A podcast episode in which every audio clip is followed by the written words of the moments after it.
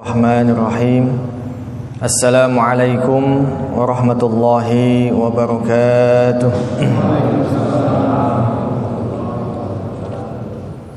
إن الحمد لله نحمده ونستعينه ونستغفره ونعوذ بالله من شرور أنفسنا وسيئات أعمالنا من يهده الله فلا مضل له ومن يضلله فلا هادي له. أشهد أن لا إله إلا الله وحده لا شريك له وأشهد أن محمدا عبده ورسوله. لا نبي ولا رسول بعده. اللهم فصل وسلم على سيدنا محمد وعلى آل محمد.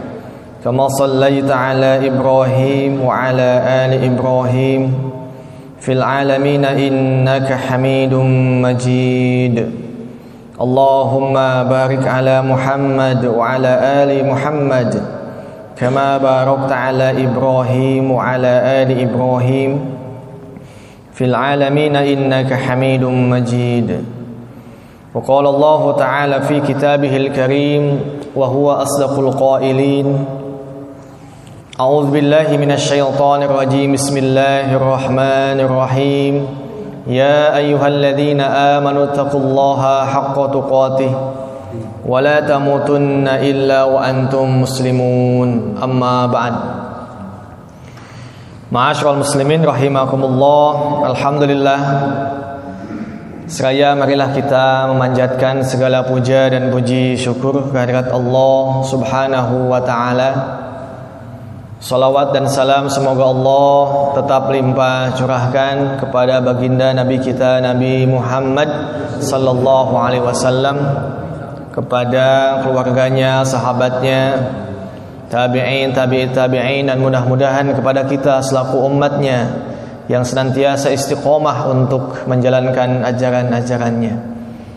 Ma'asyiral muslimin rahimakumullah, alhamdulillah malam ini selepas kita melewati training satu bulan lamanya Ramadan ya, apa sekalian mudah-mudahan setiap doa dan juga dosa-dosa kita diampuni oleh Allah. Kembali kepada Idul Fitri, kita kembali kepada kesucian bersih bagaikan kain yang putih Pak.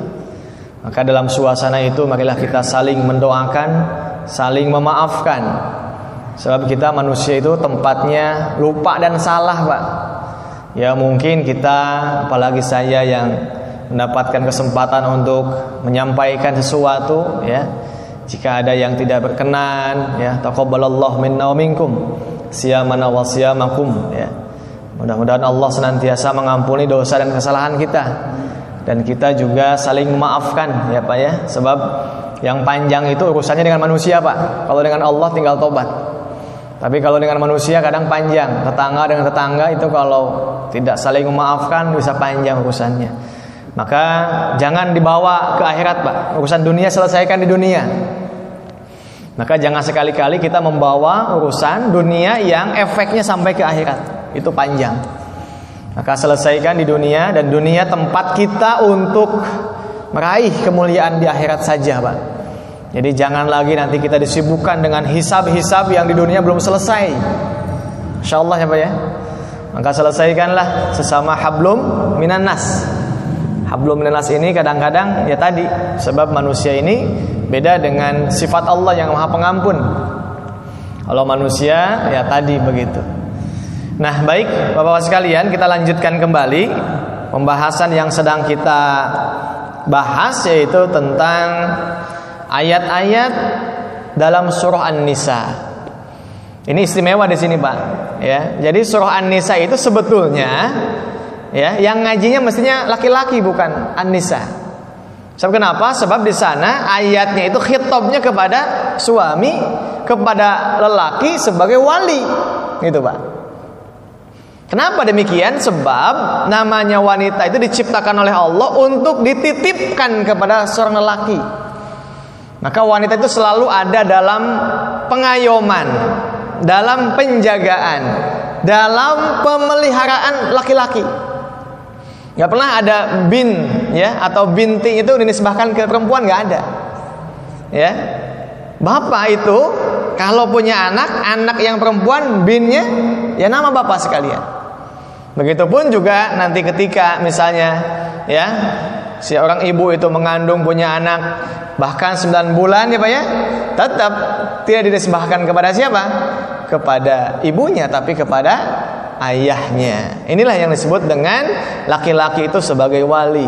Nah, maka Bapak sekalian, Anissa ini adalah bentuk proteksi. Ya, jadi memahaminya begitu, Pak. Bentuk penjagaan Allah sebagai Khalik yang menciptakan manusia dan salah satunya adalah siapa? Seorang wanita yang langsung Allah titipkan kepada walinya. Maka lelaki itu sebagai wakil Allah untuk menjaga, merawat seorang wanita bagaimana dia tetap ada penjaganya. Nah, bentuk sayangnya Allah itu dituangkan dalam ayat-ayatnya. Nah, ayatnya ini hitamnya kepada siapa? Kepada walinya, kepada wakilnya Allah tadi sebagai seorang laki-laki. Maka Bapak sekalian, kenapa disebut dengan surah An-Nisa? Sebab memang secara umum isi kandungannya adalah membahas tentang bagaimana proteksi penjagaan Islam terhadap ya terhadap seorang wanita. Sekalian, yang namanya wanita itu sama dengan anak kecil, Pak. Gimana sih? Lemah. Ya kan? Anak kecil itu butuh diapain, Pak? Butuh dibimbing. Butuh apa lagi, Pak? Ditunjukkan jalannya, ya Kemudian kalau makan ya dikasih nafkah, kewajiban kita sebagai ayahnya. Kemudian juga nanti kalau ya apa namanya butuh pendidikan di sekolah kan begitu. Ya, jadi intinya adalah di sini pentingnya kita memahami. Nah, maka Mas kalian, surah An-Nisa nanti kita akan temukan juga Pak, penjagaan Allah kepada wanita bukan hanya satu surat. Ya, ini yang spesialnya ini. Nanti ada surah At-Tolak. At-Tolak juga sama Pak. Itu nanti Allah menyampaikan, menitipkan tentang bagaimana perawatan laki-laki kepada wanita. Nanti ada lagi Pak, namanya surah At-Tahrim. Itu juga sama tentang bagaimana ya kedudukan seorang suami menjaga istrinya. Jadi Bapak sekalian, yang namanya yang lemah ya, itu butuh apa? Butuh yang kuat gitu. Butuh dijaga Bukan sebaliknya Pak, yang lemah malah disiksa. Waduh, masya Allah. ya, jadi kalau ada media yang memberitakan seorang istri dianiaya oleh suaminya, apalagi dianiaya oleh laki-laki, masya Allah, itu dosanya, masya Allah Pak. Ya. Sebab kenapa? Sebab lagi-lagi Allah menciptakan Hawa itu min il aizar dari tulang rusuknya siapa? Adam alaihissalam. Gitu ya. Jadi kalau pondasi itu pak, ini nggak akan ada tiang nih, nggak akan ada bangunan kalau nggak ada apa? Pondasi. Maka pondasi itulah yang menjadi apa? Pijakan. Jadi wanita itu nggak ada kalau tidak ada laki-laki. Baiklah sekalian. Nah maka dalam surah An-Nisa ya bapak-bapak sekalian jamaah rahimakumullah apa saja saya ingin ulang kembali yang dibahas satu bagaimana ya kita faham menjaga tentang kedudukan seorang wanita dalam konteks pribadi dia individunya pak yang kedua nanti dalam surah An-Nisa ada hukum-hukum yang membahas tentang bagaimana seorang wanita berposisi sebagai istri itu pak yang ketiga, bagaimana seorang wanita yang mesti kita jaga itu berposisi sebagai apa? Ibu dari anak-anak. Satu individunya apa ya? Sebagai muslimah. Kedua, kalau sudah menikah menjadi istri dari suaminya, bagaimana nih kita nih posisi? Ya. Yang ketiga, kalau dia punya anak menjadi ibu. Yang keempat, bagaimana posisi istri itu di dalam lingkungan tempat dia tinggal. Penting, Pak. Ya. Sebab akhir zaman fitnah itu, Pak. Fitnah yang paling banyak menimpa kepada siapa, Pak? Wani, wanita. Ya, Bapak kalau sudah punya anak gadis harus tahu Pak bagaimana dia hidup di lingkungannya. Ya, jangan sampai justru masya Allah ya akhir zaman ini fitnah yang paling banyak itu menimpa kepada siapa? Sosok seorang wanita. Nah, tentu kalau itu adalah fitnah ya tidak bisa disalahkan. Sebelagi lagi siapa Pak? Wanita punya pengayomnya, wanita punya pendampingnya. Kalau dia misalnya menjadi fitnah dan dia posisinya sebagai istri, maka suaminya tuh Pak yang dihisap di hadapan Allah. Sebelum siapa? Ya istrinya juga. Artinya apa? Ditanya sejauh mana kita sebagai suami mendidik istri tadi. Kalau toh misalnya dia juga gadis misalnya belum punya suami, yang ditanya siapa? Bapaknya. Bapaknya nggak ada pak, yatim misalnya dia. Siapa yang tanya? Walinya pak. Begitu pak. Siapa laki wali itu? Laki-laki pak. Wali itu laki-laki pak. Ya. Jadi kalau dia bapaknya meninggal, berarti bapak ini ini punya kakak enggak? Laki-laki. Punya adik enggak yang laki-laki? Punya bapaknya lagi yang terus ke atas laki-laki. Itu wali namanya.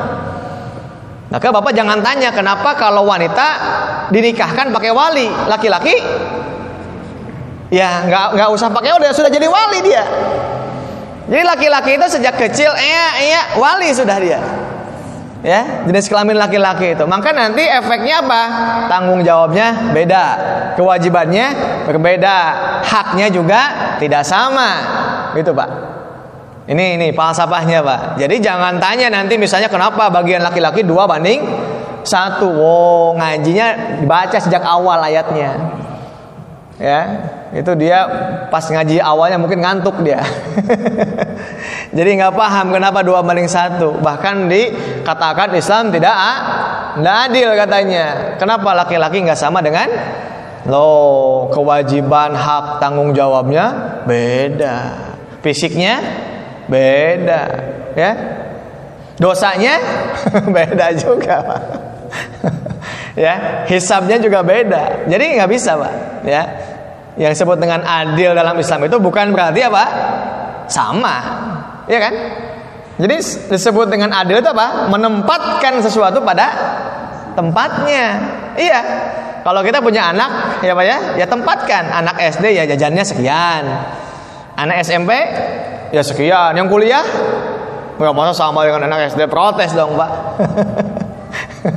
ya begitu pak ya. Nah baik mas sekalian. Nah itu pak ya. Jadi nanti eh, apa namanya dibahas. Termasuk nanti yang dibahas adalah bagaimana kewajiban-kewajiban seorang wali itu ya. Kemudian juga kewajiban bagaimana tentang tadi pak ya bagian baik bagian-bagian pusaka. Kemudian di Anisa juga dibahas tentang siapa al-muharramat ya. Siapa wanita yang haram selamanya untuk dinikahi. Ada sifatnya mu'abbad, ada yang mu'akkad. Ya Pak ya, contoh mu'abbad itu Pak, ibu kita tuh. Ibu itu selamanya, ibu ke atas. Hurimat alaikum ummahat. Itu haram nggak boleh Pak. Ya, Masya Allah Pak. Ya, hari ini Pak nih akhir zaman Pak. Saya baca di media, di berita, ya Pak.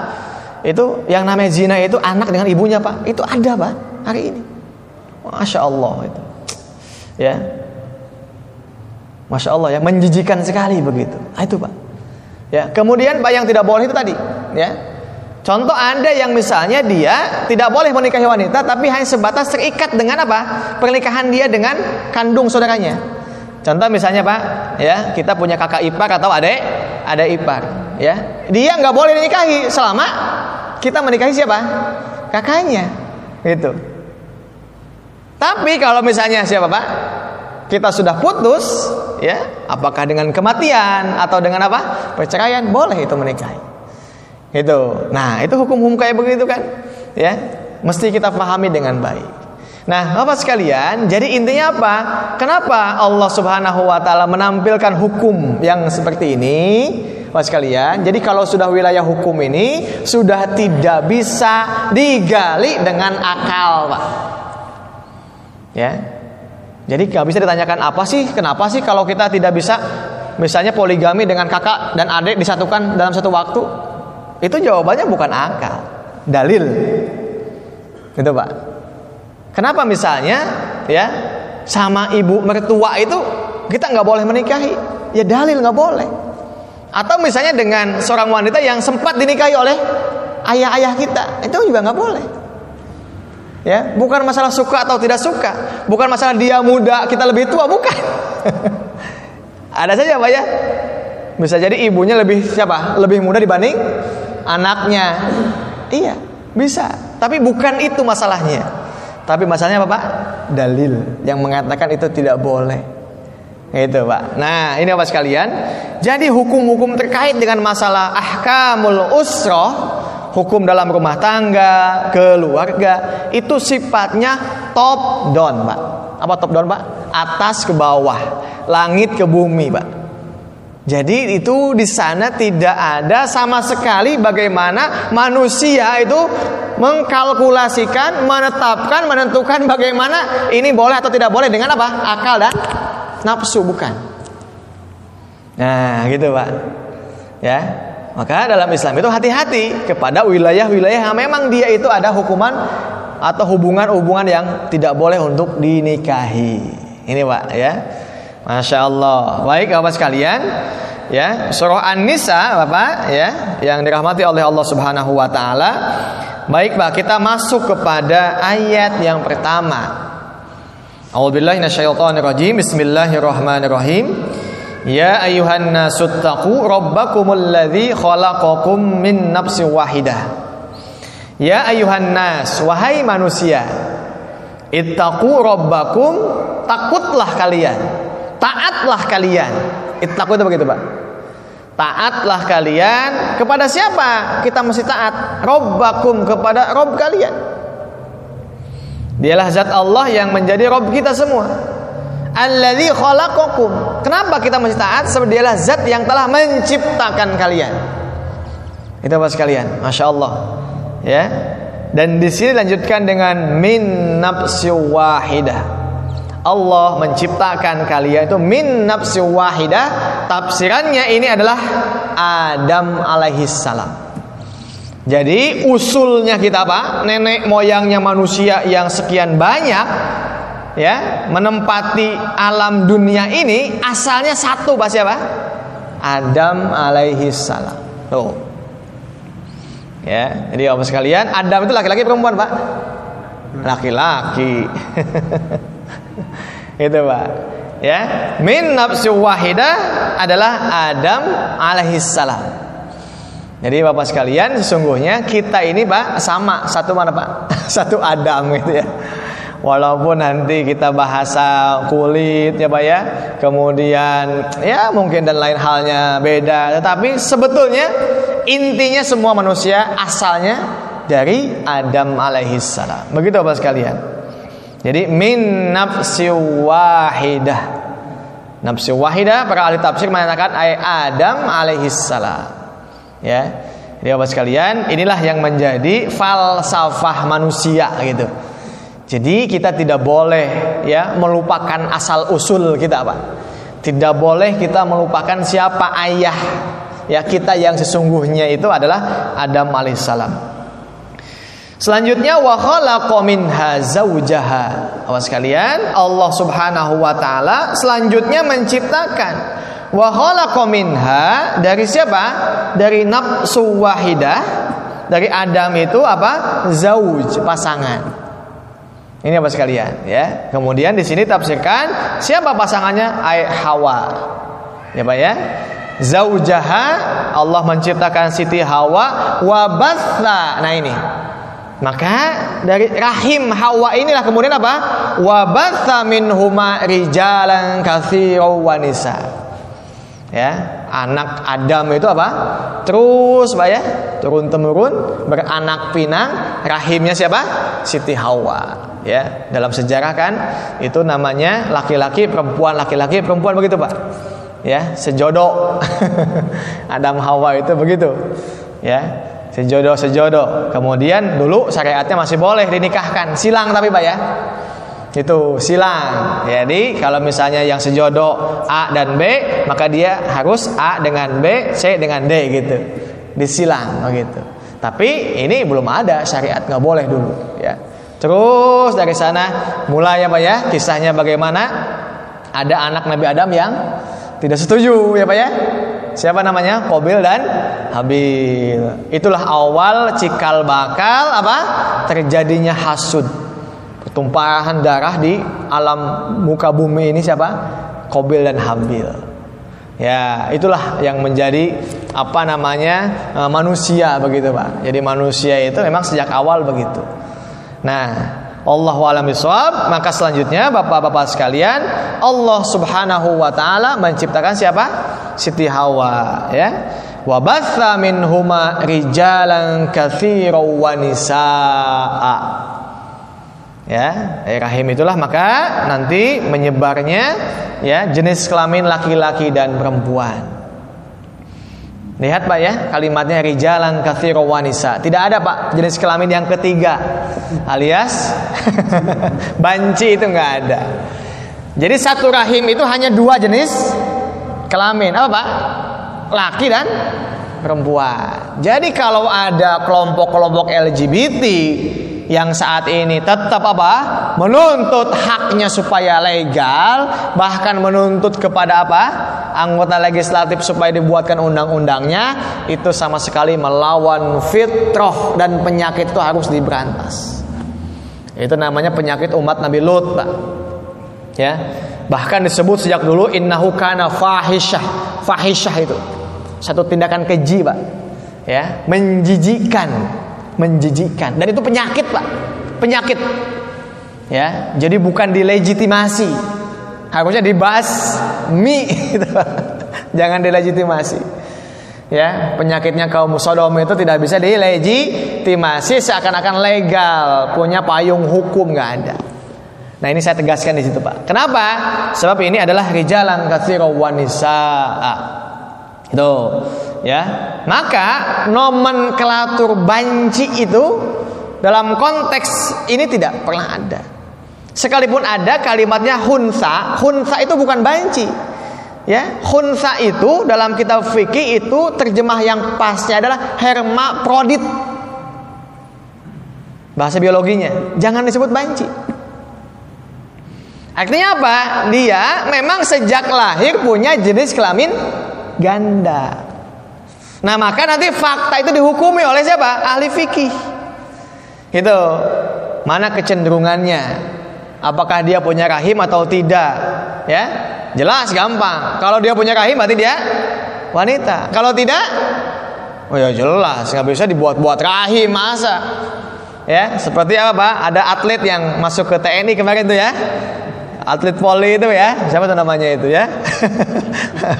Itu. Tapi kan dia ya laki-laki sebetulnya gitu. Dan senang dia jadi laki-laki begitu. Memang faktanya laki laki-laki begitu. Nah sebaliknya kalau jadi perempuannya nggak bisa dibuat-buat begitu. Nah ini apa sekalian. Jadi tetap pak saking apanya? Saking mesti jelas. Sebab ini pak jenis kelamin itu nanti akan ada efek hukumnya gitu Iya, nggak bisa main-main. Jadi kalau dia nanti jenis kelaminnya itu jelas, ini akan ada dampak apa? Turunannya. Apakah dia itu laki-laki atau perempuan? Nanti ibadahnya kayak gimana? Itu, itu penting. Maka ilmu fikih nanti akan menghukumi fakta itu lewat medis tentunya dibantu. Saat ini sudah gampang, apalagi sudah canggih ya Pak ya, ilmu kedokteran. Ya yang mudahnya begitu saja Pak. Yang paling mudah adalah kalau rahim itu nggak bisa dibuat-buat begitu. Dan hanya Allah milik milik Allah rahim itu. Rahman Rahim ya Pak ya. Baik. Nah, maka di sini rijalan katsiran wa ya. Jadi dari satu rahim Hawa yang dibuahi oleh siapa? Adam. Jadi begini Pak. Jadi yang namanya ladang itu kan, ladang itu kan bagaimana siapa yang menanam gitu. Itu Pak. Jadi kalau yang menanamnya itu kan laki-laki gitu. Maka kenapa dalam Islam nanti ke depan nggak boleh laki-laki boleh poligami, kalau perempuan nggak boleh poliandri, itu rusak pak. Jadi nggak jelas. Nanti kenapa ada hukum iddah? Iddah ini memastikan bahwa bagaimana rahim seorang wanita itu dia suci bersih. Ya, kalau bahasa medisnya DNA-nya sudah nggak ada yang bekas-bekas suami yang dulunya. Nah itu waktunya itu sudah ditentukan oleh Allah pak ya. Jadi bukan masalah langsung USG wah ketahuan ini nggak ada siapa nggak ada janin langsung besok bisa nikah lagi. Bukan begitu masalahnya. Ya masalahnya tadi pak ya ada masih sedih berkabung kemudian apa lagi ya nah, di samping itu apa? Dalil lagi-lagi dalil syariat nggak bisa disepelekan begitu. Jadi tunggu saja Ya, kalau dia ditinggalkan wafat oleh suaminya, ya, ya, maka ya apa, Pak? Yutawaffawna minkum wa yadarun azwa arba'at asyhur. 4 bulan 10 hari. Kalau misalnya ditalak begitu ya, tiga kali suci. Ya, ini Bapak sekalian. Jadi tentang masalah iddah itu. Nah, jadi eh, apa namanya kembali kepada ayat ini, jadi melalui rahimnya siapa Pak? Rahimnya Hawa itu maka Allah melanjutkan keturunannya jenis kelamin laki dan perempuan, tidak ada yang lain. Kemudian wattaqullaha tasaaluna bihi wal arham innallaha kana 'alaikum raqiba.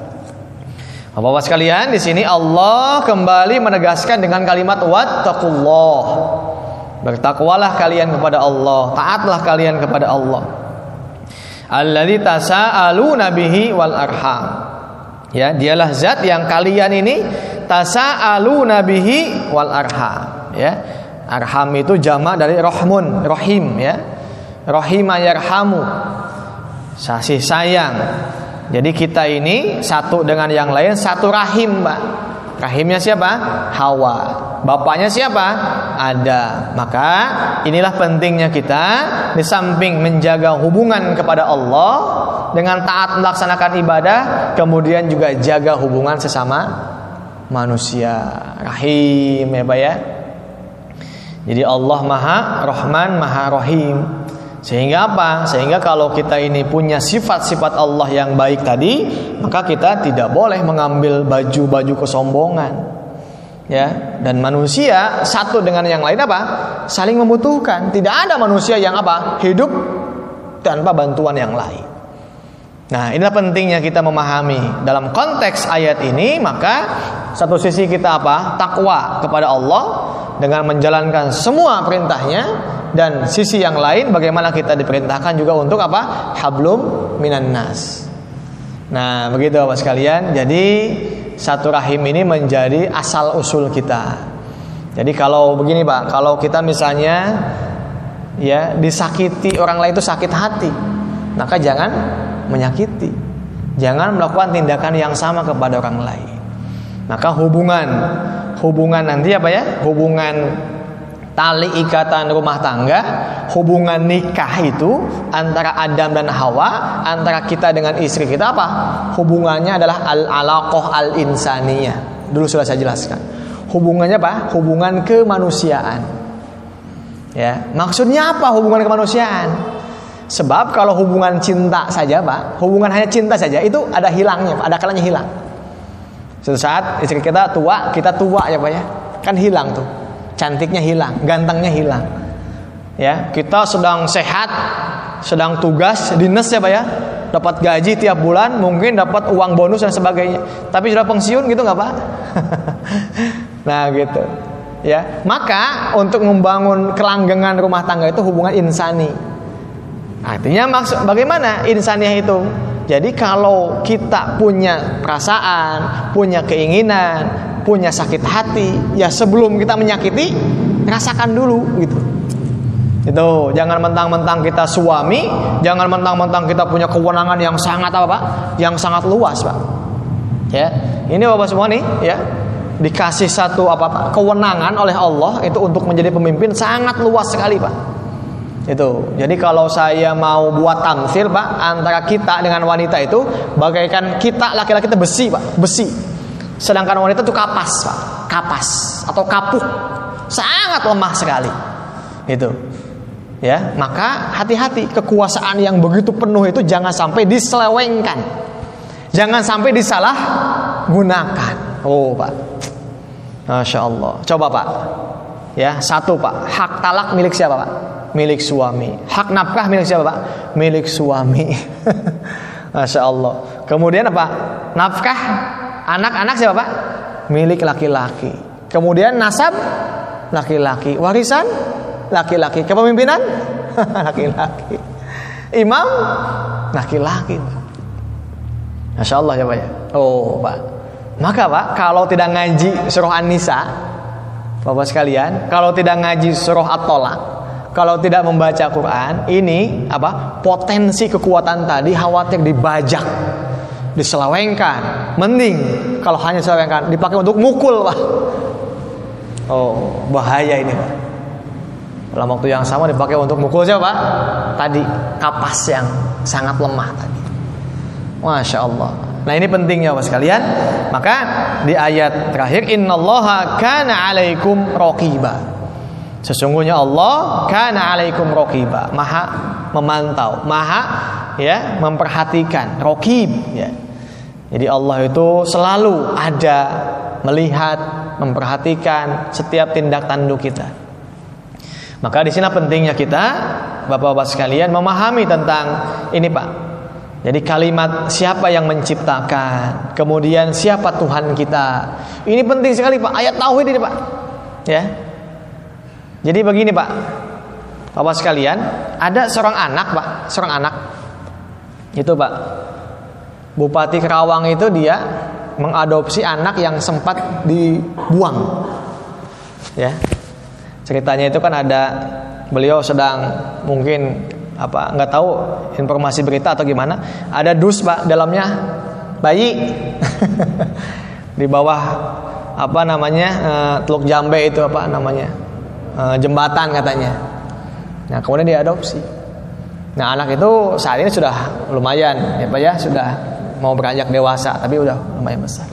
Nah, coba Pak, kalau nanti sudah dewasa, itu anak tahu nggak siapa ayah ibunya? Tahu nggak? Nggak bakal tahu.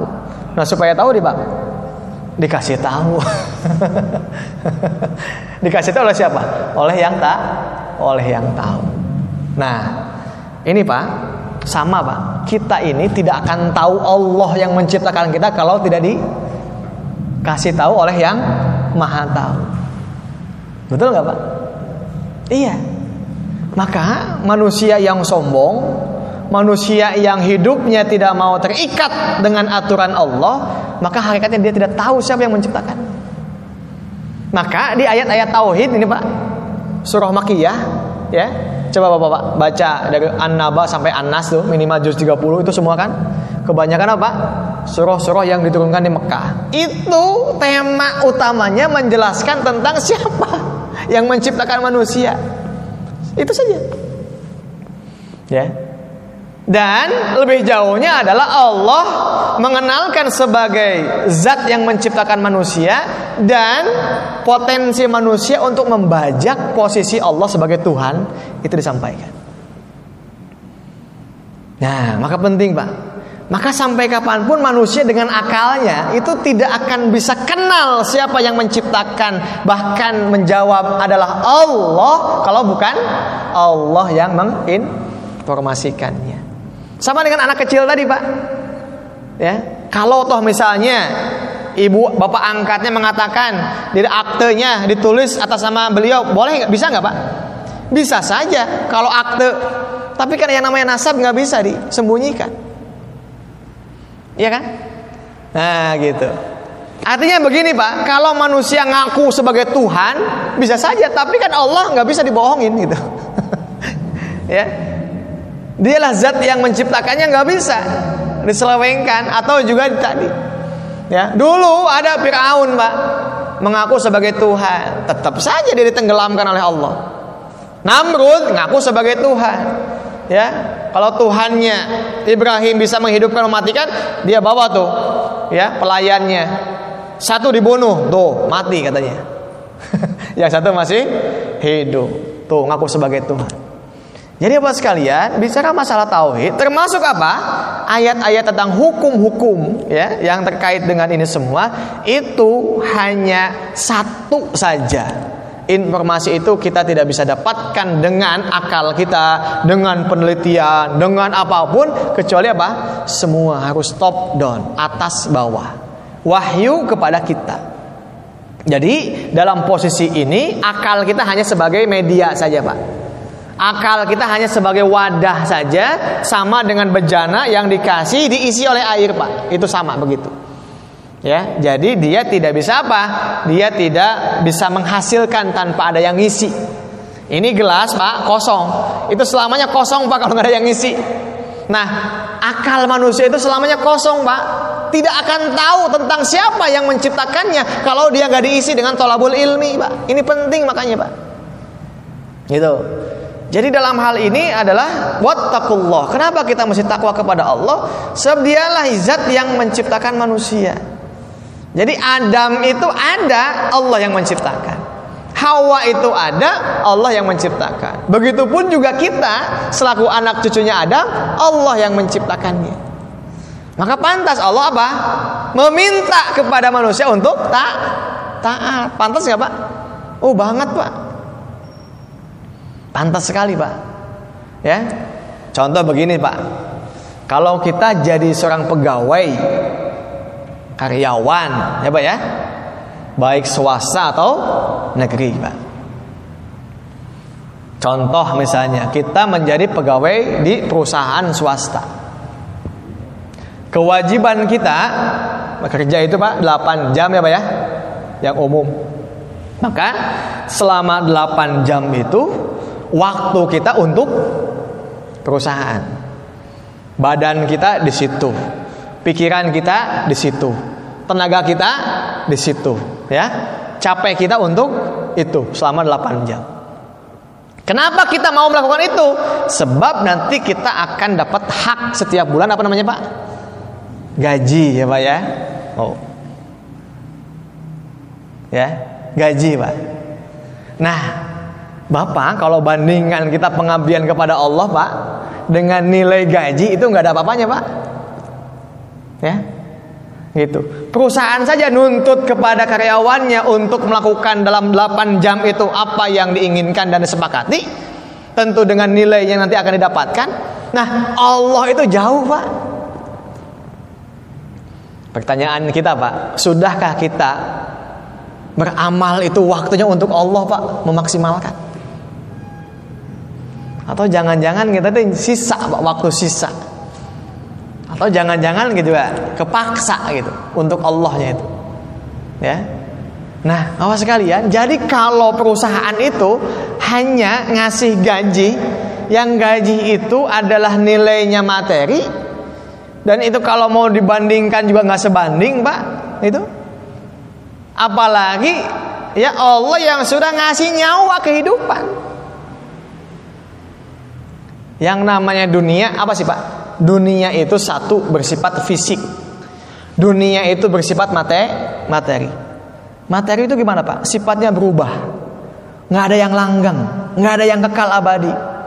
Kita punya uang 100 ribu Pak. Kalau uang 100 ribu itu disobekin, sobek nggak Pak? Dibuang hilang nggak? Hilang. Itu materi Pak. Kita beli handphone, harganya 2 juta. Hari ini 2 juta. Dua tahun kemudian masih 2 juta nggak Pak? Oh nggak ada pak. Kalau dijual 2 juta ada yang mau beli nggak pak? Nggak ada. Empat tahun kemudian? Mana? Istri kita masih tua atau muda terus pak? Dulu waktu menikah kita masih muda ya pak ya. Itu namanya mate, materi pak. Nah, jadi kalau dunia itu pak sifatnya semua pak terbatas, ada nilainya. Tapi kalau akhirat nggak ada pak. Ya, saking mahalnya nilai akhirat, dia tidak bisa dinominalkan dengan nilai dunia. Apa buktinya? Nyawa nggak ada yang bisa beli dan nggak ada yang menyediakan. Ya, kalau ada stok nyawa, itu pengusaha itu nggak mau mati pak, yang banyak duitnya. Ya, itu. Maka sudah bukan bandingannya. Nah, dengan demikian, kalau seandainya kita di dunia ini yang terbatas, gitu ya. Dikalahkan gitu dengan sesuatu yang kita nggak punya nilai sama sekali. Maka aneh. Tapi kalau kita paham betul bahwa dunia ini yang terbatas tapi bagaimana yang terbatas menjadi tidak terbatas nah kita akan betul-betul. Maka Allah katakan wal akhiratu khairu wa abqa. Wal akhiratu khairul laka minal ula. Tuh. Lihat Pak akhirat itu lebih kekal. Akhirat itu lebih baik. Jadi kalau kita punya uang 100 ribu supaya nilainya menjadi keabadian diapain tuh pak? Bisa disedekahkan bisa diwakafkan bisa dibelanjakan di jalan Allah dalam hal-hal yang kebaikan. Jadi hakikatnya kita sudah memanjangkan usia hidup kita panjang itu. Itu namanya pak Jadi sebetulnya kalau kita paham hidup di dunia ini adalah media untuk ya bagaimana kita mengubah dari amal-amal yang terbatas yang bersifat materi yang akan binasa menjadi apa? Amal yang selama-lamanya tidak terbatas dan tidak akan binasa. Apa itu, Pak? Akhirat. Oh. Jadi di dunia ini apa, Pak? Bagaimana kita melakukan amal untuk hidup selama-lamanya, bukan hidup yang akan ditinggalkan. Salah. Betul, Pak? Iya, Bapak punya uang di deposito apa ya? Misalnya, Bapak meninggal. Itu susah Pak ngambilnya, Pak. yang nekernya sudah nggak bisa. Tuh, Pak, dunia mah gitu, Pak coba lawan misalnya eta deposito teh Pak, diwakafkan habis semuanya. Sudah Bapak tinggal ketemu nanti. Ya. Masih mending Pak, nanti bisa ada wasiat misalnya. Kalau ada wasiat, kalau tidak jadi konflik tuh Pak. Anak-anak kita ingin apa tuh? Deposito itu. Oh, ya. Jadi apa sekalian, inilah penting kenapa kita wattaqullah. Sebab yang akan sampai itu apa, Pak? Nilai-nilai iman amal soleh kita. Maka kenapa amal-amal kita itu mesti dilandasi oleh iman? Sebab yang namanya fisik hanya sampai liang lahat. Oh. Ini Pak, ini jasad kita. Sudah. Ya Pak ya. Jasad itu nanti kembali ke tanah sudah selesai Pak. Tapi ruhnya itu tidak akan mati selama-lamanya. Itu. Nah, maka sekalian, jadi kalau kita ingin berjumpa dengan amal kita yang baik, maka itu sudah tidak lagi kembali kepada jasad yang fisik. Maka caranya bagaimana? Mesti dirubah. Yang fisik menjadi non fisik, yang duniawi menjadi uh rawi. Oh, Pak. Caranya bagaimana? Ini, Pak. Ini Bapak duduk nih di sini dari jam berapa tadi, Pak? Ya, jam 6 lebih ya, Pak ya? sampai sebentar lagi, ah itu menjadi keabadian, Pak. Asal niatnya ikhlas. Lillahi taala. Ada Pak, Allah mencatat, Pak. Ya, wa mallahu bighafilin amma ta'malun. Allah nggak bakal lalai, nggak bakal luput, nggak bakal lupa atas perbuatan-perbuatan kita. Kebaikan Allah kasih, Pak. Ya, sebaliknya setiap amal-amal yang jelek, yang negatif Allah juga akan balas. Ya, maka Allah katakan apa? Faman ya'mal mithqala dzarratin khairan yara. Wa may ya'mal mithqala dzarratin syarran. Sama. Ya, sekecil apa pun kebaikan Allah akan balas, sekecil apa pun keburukan Allah akan balas. Masya Allah ya. Jadi pesan saya apa sekalian, jadi jangan sekali lagi kita membuat satu amal yang efeknya manjang sampai mana Pak? Sampai akhirat. Tapi beramal yang baik yang efeknya panjang sampai akhirat. Maka urusan dunia selesaikan di dunia sampai ingin sampai ke akhirat semuanya, Pak. Gitu. Jadi jangan sampai dunia itu menjadi beban, Pak. Menjadi beban. Maka seperti kita harus kayak bayi, Pak, anak kecil, Pak. Datang ke dunia nggak pakai baju ya, Pak ya. nggak bawa dosa. Nanti pulang pun juga sama, Pak. Jangan bawa dosa. Ya, habiskan semua dunia untuk akhirat, Pak. Gitu ya kebaikan-kebaikan apa pun kita lakukan di dunia untuk kebaikan di akhirat. Baik apa sekalian ya. Sudah waktu siapa ya? Sebentar lagi. Ya. Uh, jadi itu pak ya baru satu ayat. Insya Allah nanti kita akan lanjutkan pada sesi-sesi selanjutnya. Mudah-mudahan ini kita kembali ya pak ya. Sebasca Eid kita kembali untuk kajian ya. Mudah-mudahan kita ada manfaatnya. Marilah pak sekalian kita tutup dengan doa ya pak ya A'udzubillahi minasyaitonir. Bismillahirrahmanirrahim. Alhamdulillahirabbil alamin. Hamdan syakirin, hamdan na'imin, hamdan yuwafi ni'amahu wa yukafi mazidah. Ya Rabbana lakal hamdu kama yanbaghi li jalali wajhikal karim wa li 'azimi sultanik. Allahumma anfa'na bima 'allamtana wa 'allimna ma yanfa'una wa zidna ilma. ينفعنا وزدنا علما رب اشرح لي صدري ويسر لي امري واحلل عقدة من لساني يفقه قولي ربنا هب لنا من ازواجنا وذرياتنا قرة اعين واجعلنا للمتقين اماما ربنا آتنا في الدنيا حسنة وفي وقنا عذاب النار سبحان ربك رب العزة عما يصفون وسلام على المرسلين والحمد لله رب العالمين Subhanaka Allahumma asyhadu an la ilaha illa anta astaghfiruka wa atubu ilaik. Hadana Allah wa iyyakum ajmain. Assalamualaikum warahmatullahi wabarakatuh.